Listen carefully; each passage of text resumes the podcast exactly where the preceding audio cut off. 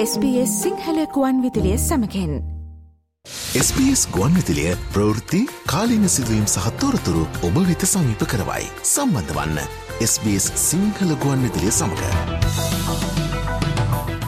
ශ්‍රී ලංකාවේ දේශපාලනික ශේත්‍රයේ උණුසුම් තත්විත්ති හොයන්නටයි හෙමනම් අපි පුරුදු පරිදි හද සූදානම් වන්නේ ශ්‍රී ලංකාවේ සිට තොරතුරු වාර්තා කරන්න පුරුදු ලෙසින් දැන් සූදානමෙන් සිටිනවා මාධවේදී මනෝජ් උදටියාවල. අයිබෝන් සුබදෑසනක් මනෝජ්. අයිබෝන් සුබදෑසනක් දිල්රුක්ෂි. අපි මුලින්ම සාකච්ඡා කරමු මේ මැතිවරණ ක්‍රමේ සංශෝධනය පිළිබඳව යළිත් සාකච්ඡාවක් ඇති වෙලා තියෙනවා. අධිකරණ අමාත්‍ය විජේදාස රාජපක්ෂ විසින් කැබිනට් එකට ඉදිරිපත් කළ තියෙන යෝජනාවක් සමකින් අපි දන්නවා මනෝජ් ආකාර දෙකට මේ කියන්නේ කේවල සහ සමානුපාතික යන ක්‍රම දෙකම සහිතව මිශ්‍ර ක්‍රමයකට මැතිවරණ ක්‍රමය ගෙන ආයුතුයි කියලා පළාත් පාලන ඡන්දයත් එක්ක යම් කතාවක් ඇති වුණා පසුගිය කාලවකවානුවේදී. හැබැයි අධිකරණ අමාත්‍යවරයාගේ යෝජනාව වෙනත් එකක් කියලායි තොරතුරු වාර්තා වෙන්නේ. අපි කැමතියි වැඩිදුර විස්තර දැනගන්න මුලින් මේ සම්බන්ධව. ඔව් මේ 1978 ව්‍යවස්ථාවෙන් අරගෙනාපු මැතිවරණ ක්‍රමය තාම ඉදිරියට ක්‍රියාත්මක වෙද්දී අපිත් අහලා තියෙන විදිහට ජේ.ආර් ජයවර්ධන ජනාධිපතිතුමා බලේ ඉන්න කාලේ ඉඳලා මේ ක්‍රමය වෙනස් කරන්න අවශ්‍යයි කියලා කාලින් කාලට කතා කරා. ඔබත් මතු කරා වගේ පළාත් පාලන මැතිවරණය සඳහා මැතිවරණ ක්‍රමය වෙනස් කරලා හිටපු සභිකයින් 4000 වෙනුවට 8000ක ප්‍රමාණයක් සභිකයින් තේරීපත් වුණා. සමහර පළාත් පාලන ආයතනවල රැස්වීම් තියන්නවත් තැනක් තිබුණේ ඒ තරම් සභිකයින් වැඩි කියලා සාකච්ඡාවට ගත්තා. ඊට පස්සේ සීමා නිර්ණ ගැටලුවක් නිසා පළාත් සභා ඡන්දයක් කල් ගිහිල්ලා තියෙනවා. ඒ අතරේ දැන් මැතිවරණයක් අපේක්ෂාවෙන් කාලෙක ඉඳලා රටේ යම් කණ්ඩායම් බලාපොරොත්තු වෙමින් ඉන්නවා. ඒක මහ ඡන්දෙද ජනාධිපතිවරණද කියලා සාකච්ඡා වෙවි ඉන්න වෙලාවක තමයි විජයදාස රාජපක්ෂ අධිකරණ ඇමතිවරයා මැතිවරණ ක්‍රමය සංශෝධනය කරන්න කැබිනට් මණ්ඩලයට යෝජනාවක් අරගෙන ආවේ මේ පිළිබඳව වාර්තා වෙන ආකාරයට පාර්ලිමේන්තුවේ ඉන්න මන්ත්‍රීවරුන් 225 දෙනා අඩු කරන්නේ නැතුව ඒ ක්‍රමවේදය විතරක් වෙනස් කරන්න සූදානම් වෙනවා කියලා වාර්තා වෙනවා. ඒකෙන් 160ක් කොට්ටාස මට්ටමින් තෝරගෙන ඉතුරු 65 දෙනා සමානුපාතික ක්‍රමය සහ ජාතික ලේස්තු කියන දෙකම නියෝජනය කරන්න පත් කරගන්න සූදානමක් තියෙනවා කියලා තමයි මේ යෝජනාවෙන් කියවෙන්නේ. හැබැයි මේ යෝජනාව ආපු ගමන් දැන් විපක්ෂයේ ඇතැම් කණ්ඩායම් ටිකක් දිගිඩියාවෙන් ඉන්නවා. මැතිවරණ ක්‍රමය වෙනස් කිරීම හරහා මේ උත්සාහ කරන්න ආණ්ඩුව ඡන්ද කල් දාන්න කියලා. ඒකට විපක්ෂයේ මේ වෙලාවේ බලාපොරොත්තු වෙන්නේ ඡන්දයක්. මැතිවරණ ක්‍රමය යෝජනාවක් අරගෙන ඇවිල්ලා ඒක සංශෝධනය කරන ක්‍රියාවලිය තුළ මේක හිර වුණොත් හරියට මැතිවරණ ක්‍රමය වෙනස් කිරීම සිද්ධ වෙනකන් ඡන්දයකට යන්න වෙන්නේ නැහැ. ඒ හින්දා විපක්ෂය යම් අදහස් දැක්වීමක් කරනවා මේ උත්සාහ කරන්නේ. කලිනුත් මැතිවරණ ක්‍රමය වෙනස් කරන්න උත්සාහ කරා කියන්නේ ඡන්ද කල් දාන්න ගිය එක මේ පාරක් වෙන්නේ මේකද කියලා ඔවුන් සැකපල කරමිනුත් ඉන්නවා ඒ අතරතුර. මනෝජ් දැන් එතනදී ඔබ සඳහන් කිරීමක් කළා අර 225 දෙනාගෙන් 160ක් කොට්ටාස මට්ටමින් එතකොට 65 දෙනෙක් සමානුපාතික ක්‍රමයට කියලා. දැන් මේ ක්‍රමයේ සම්බන්ධව එතනදී මේ යම් සාකච්ඡාවක් ඇති වෙලා තියෙනවද මේ 160ට 65 කියන අනුපාතය පිළිබඳව? වාර්තා වෙන ආකාරයට එහෙම තොරතුරක් තාම නැහැ. කැබිනට් මණ්ඩලයට අධිකරණ ඇමතිවරයා විසින් මේ යෝජනාව මේ ආකාරයෙන් ගෙනාවාය කියන තොරතුර තමයි මා සතුවත් තියෙන්නේ.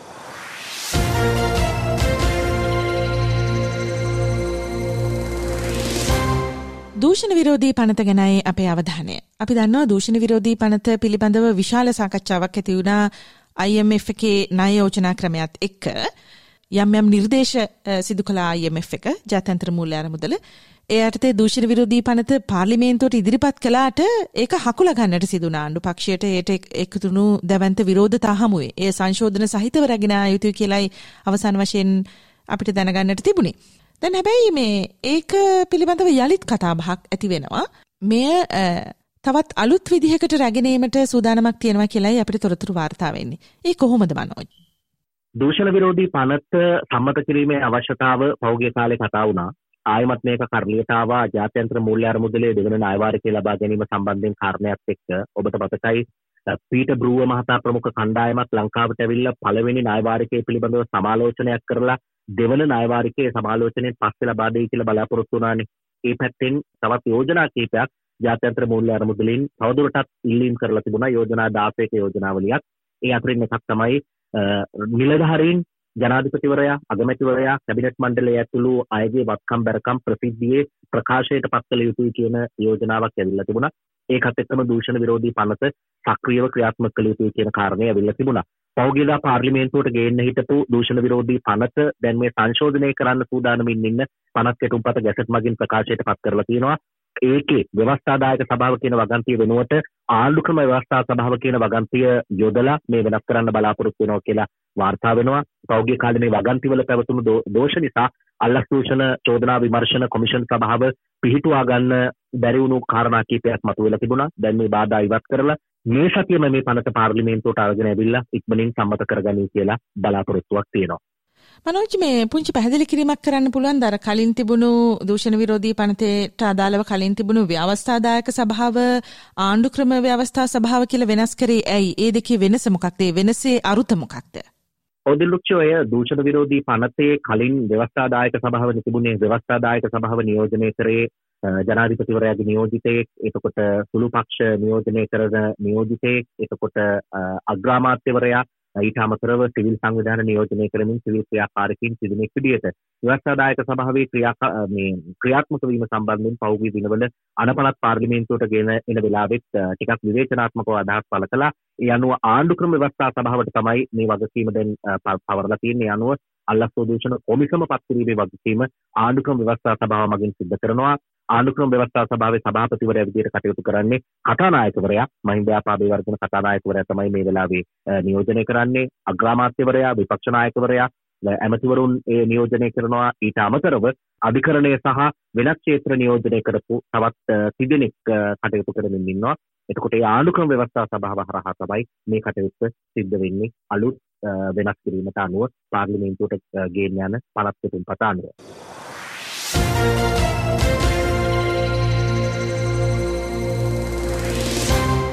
මීළඟට අපි අවධානයට ලක් කරමු පසුගිය කාලවකවානුවේදී විශේෂිත අවධානයකට ලක්වුණු විශේෂයෙන්ම පක්ෂ මාරු කිරීම හරහා පාර්ලිමේන්තු මන්ත්‍රීවරුන්ට උද්ගත වන තත්ත්වය සම්බන්ධව දැඩි අවධානයක් යොමුණු නසීර් අහමඩ් හා සම්බන්ධව දුන්නු නඩු තීන්දුවත් එක්ක මේ වෙනකොට අවධානයට ලක් කළ තියෙන කාරණා පිළිබඳව.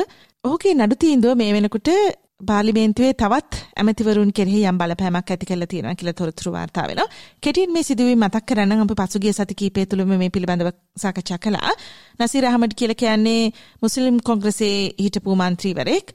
ඊට පස්සේ ඔහු පසුගිය වතාවේදී ආණ්ඩුවට පක්ෂව ඔහුගේ මනාපය පළ කරලා තිබුණා විශේෂයෙන්ම විසර්ජන පනත රැගෙන ආපු වෙලාවේ ඊට පස්සේ ඒ හා සම්බන්ධව විනය ක්‍රියාමාර්ග අරගැනීමට කටයුතු කළා මුස්ලිම් කොංග්‍රසය ඉන් අනතුරුව නසීර් අහමඩ් ආණ්ඩුවට සම්බන්ධ වුණාට පස්සේ ඔහුට පරිසර අමාත්‍ය තනතුරු ලැබුණා. මුස්ලිම් කොංග්‍රසය විසින් තමාගේ මන්ත්‍රී දුරය අහෝසි කිරීමට ගත්ත තීරණය සම්බන්ධව ඔහු ඒට එරෙහිව උසාවියට ගියා. හැබැයි උසාවියෙන් ඔහුගේ අභ්‍යාචනයට විරුද්ධව ඡන්දය ලබා දුන්නා. ඒ කියන්නේ පක්ෂයෙන් නිරපීමට මුස්ලිම් කොංග්‍රසය ගත්ත තීරණය නිවැරදි බවට උසාවිය විසින් තහවුරු කරනු ලැබුවා. ඉතින් මේ හා සමානවම තත්වයක් උද්ගත වුණා සජබේන් ඉඳලා දැන් ආණ්ඩුවට සම්බන්ධ වෙලා ඉන්න හරීන් සහ මනූෂ කියන දෙදෙනාට. සජබෙත් මේ විදිහට ඔවුන් දෙදෙනා සම්බන්ධව විනය ක්‍රියාමාර්ග ගන්න කටයුතු කළා. දැන් ඔවුන් දෙදෙනාටත් අමාත්‍ය තනතුරු අහිමි වේවිද? මේ සම්බන්ධව ලොකු කතා බහක් ඇති වෙමින් තියෙනවා. මම කැමතියි මනෝජ් මේ වෙනකොට හරීන් සහ මනූෂ දෙදෙනා මොකද කියන්නේ? එතකොට ඔවුන්ට නසීර් අහමඩ්ට වුණු දේම සිද්ධ වේවිද? ඒ පිළිබඳව දේශපාලනික ශාස්ත්‍රයේ දැන් දැන් වාර්තා වෙමින් තියෙන අලුත් තොරතුරු මොනවද කියලාත් දැනගන්න. ඔව් නසීර් අහමඩ් පරිසර ඇමතිවරයා දැන් තනතුරේ නෑ ඒ අනුව ඒ සඳහා ජනාධිපතිවරයා පරිසර අමාත්‍යාංශයේ තමන්ගේ විශේෂපතේ යටතට පවරගෙන තියෙනවා. අලුතෙන් පරිසර අමාත්‍ය කෙනෙක් අමාත්‍යවරයෙක් පත් කරේ නෑ.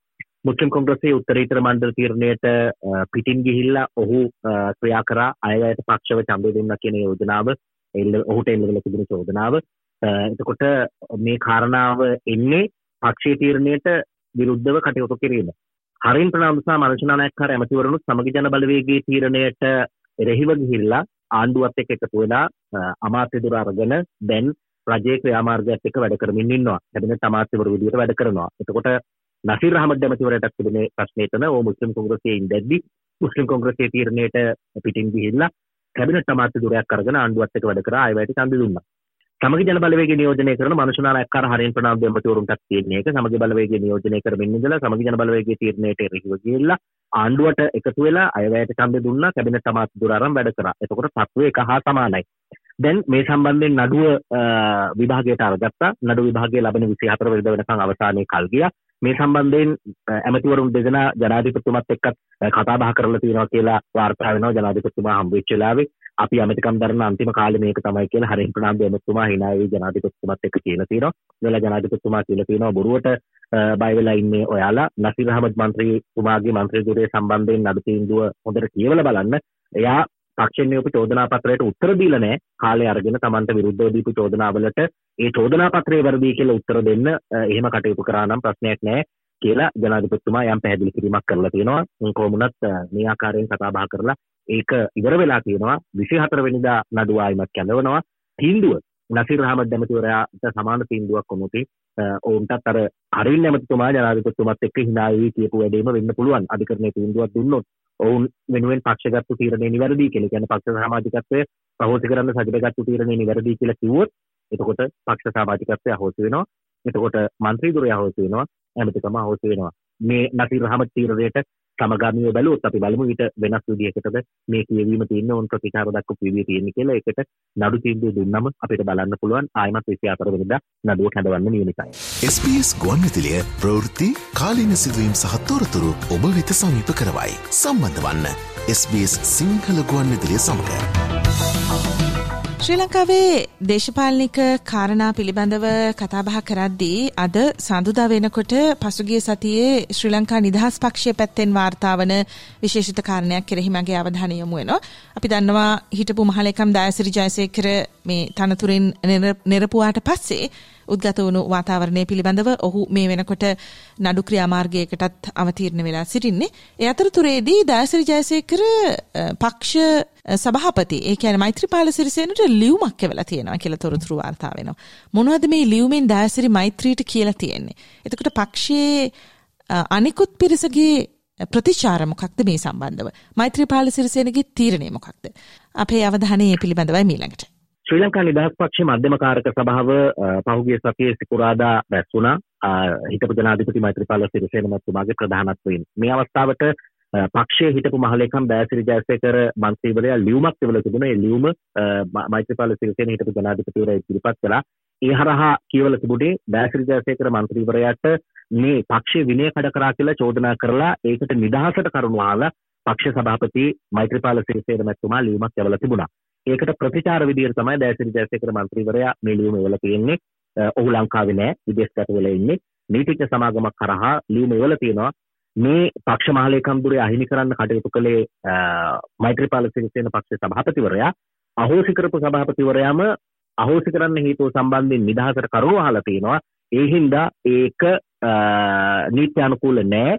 නීත්‍යානුකූල ක්‍රමයට Tamanට ලියුමක් එවුවොතින් ඒකට නීත්‍යානුකූල ලිපියක් දෙන්න උත්තර දෙන්න සූදානමින් ඉන්නවා කියලා දයසිරි ජයසේකර මන්ත්‍රීවරයා කියලා තිබුණා. නිමල් සිරිපාල ඇමතිවරයාට ඒදී අදහසක් කළා තිබුණා දයසිරි ජයසේකර මන්ත්‍රීවරයාට පිළිතුරු දෙන්න මේ වෙලාවේ අවශ්‍ය නැහැ. ඔව් අධිකරණයට ගියොතින් ඒකට උත්තර දෙන්න පුළුවන්. එහෙම නැතුව ඔව් වෙන ලිපියට ආයිමත් උත්තරය දෙන්නේ අවශ්‍යතාවයක් නැහැ කියලා නිමල් සිරිපාල සිල්ලා ඇමතිවරයාත් එහිදී සඳහන් කරලා තියෙනවා.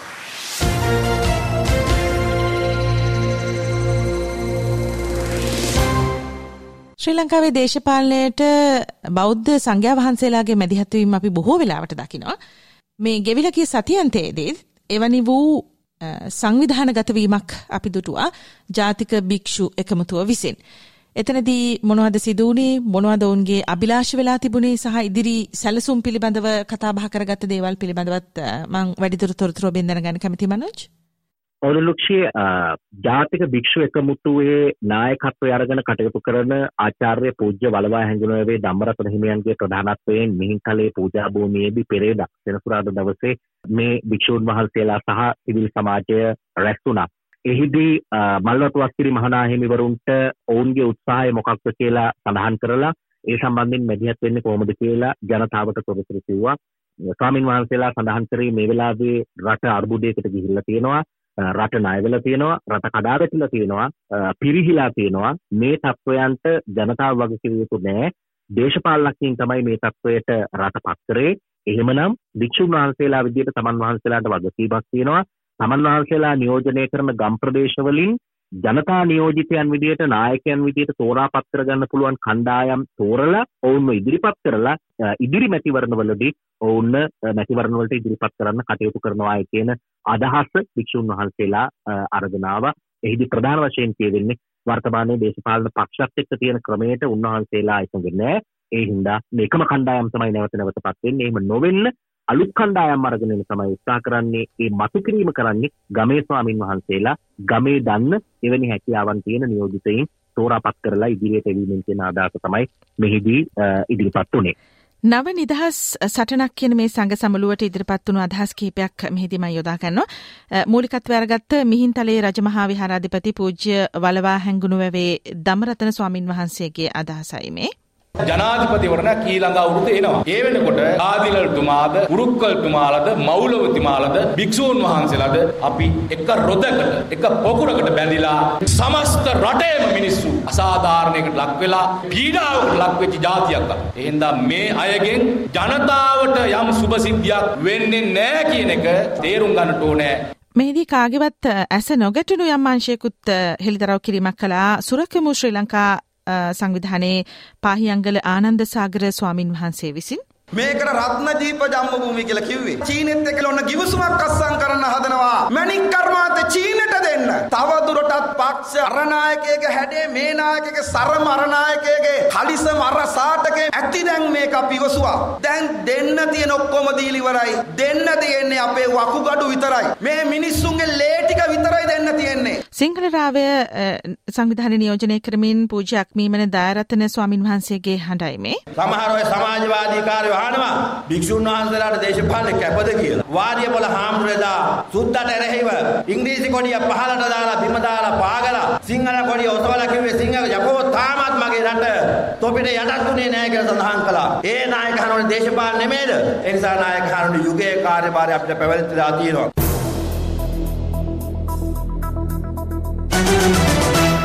කාලයක් තිස්සේ කතාභාවමින් තිබුණු ශ්‍රී ලංකාවත් ඉන්දියාවත් අතර මගී නැව් සේවාව පිළිබඳව යළිත් කතාබහ වෙන්න පටන් ගත්තා මේ සතියන්තයේ මේ මගී නැව් සේවාව ආරම්භ වීමත් එක්ක මට මතකයි මනෝජ් ඔය පිළිබඳව ලොකු විරෝධයක් තිබුණා මීට කලින් හැබැයි කිසිම හාවක් හුවක් නැතුව එකපාරට මේ ක්‍රියාදාමය ආරම්භත් වුණා. ඒකත් ටිකක් විශේෂත්වයක්.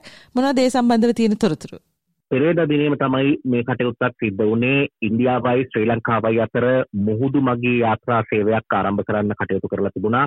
වරාය සහ ගුවන් සේවා අමාත්‍යංශය මැදිහත් වෙලා දෙරට අතර අත්සන් කෙරෙනු අවබෝධතා ගිවිසුමකට අනුව තමයි මේ කටයුත්ත සිද්ධ වෙන්නේ. ඒ අනුව මගින් සිය දෙනෙක් අරගෙන ඉන්දියාවේ ඉඳලා නෞකාවක් තමිල්නාඩුවේ නාගපට්නම් ඉඳලා කංකසන්තුරේ දක්වා පහුගිය 14 වෙනිදා ආවා. වාර්තා වෙන විදිහට පැය 4ක පමණ කාලයකින් නාගපට්නම් ඉඳලා කංකසන්තුරේට ගමන් කරන්න පුළුවන්. එක මගියෙකුට කිලෝ 50ක් ගෙනියන්න අවකාශය සකස් කරලා දීලා තියෙනවා. යන්නයි එන්නයි රුපියල් 53500ක මුදලක් තමයි වැය වෙන්නේ. අපි දැක්ක පෞගේ කාලින්දල පලාලින්දල ගුවන් ගමන් ආරම්භ කළා දැන් මුහුදු මගින් ගමන් ආරම්භ කරලා තිනවා මේ අවස්ථාවට නරේන්ද්‍ර මෝඩි ඉන්දියාවේ අගමැතිවරයාත් අදහස් දක්වලා තිබුණ මේ ගුවන් මේ මුහුදු ගමන් සේවය පිළිබඳව අදහස් දක්වලා තිබුණා දෙරට අතරේ සමගතා ශක්තිමත් කරන්න ගත්ත උත්සාහයක් කියලා රනිල් වික්‍රමසිංහ ලංකාවේ ජනාධිපතිවරයාත් අදහස් පළ කළා ඒ අනුව දැන් ඉන්දියාවයි ශ්‍රී ලංකාවයි.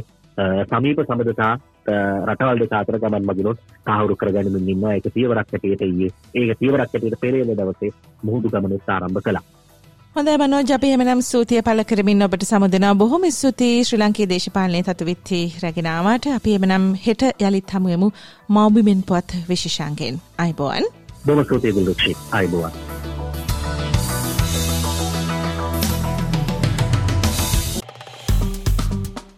ලයි කරන්න ෂයා කරන්න අදහස් ප්‍රකාශ කරන්න SBS සිංහල ෆස්බුක් පිටුව ෆලෝ කරන්න.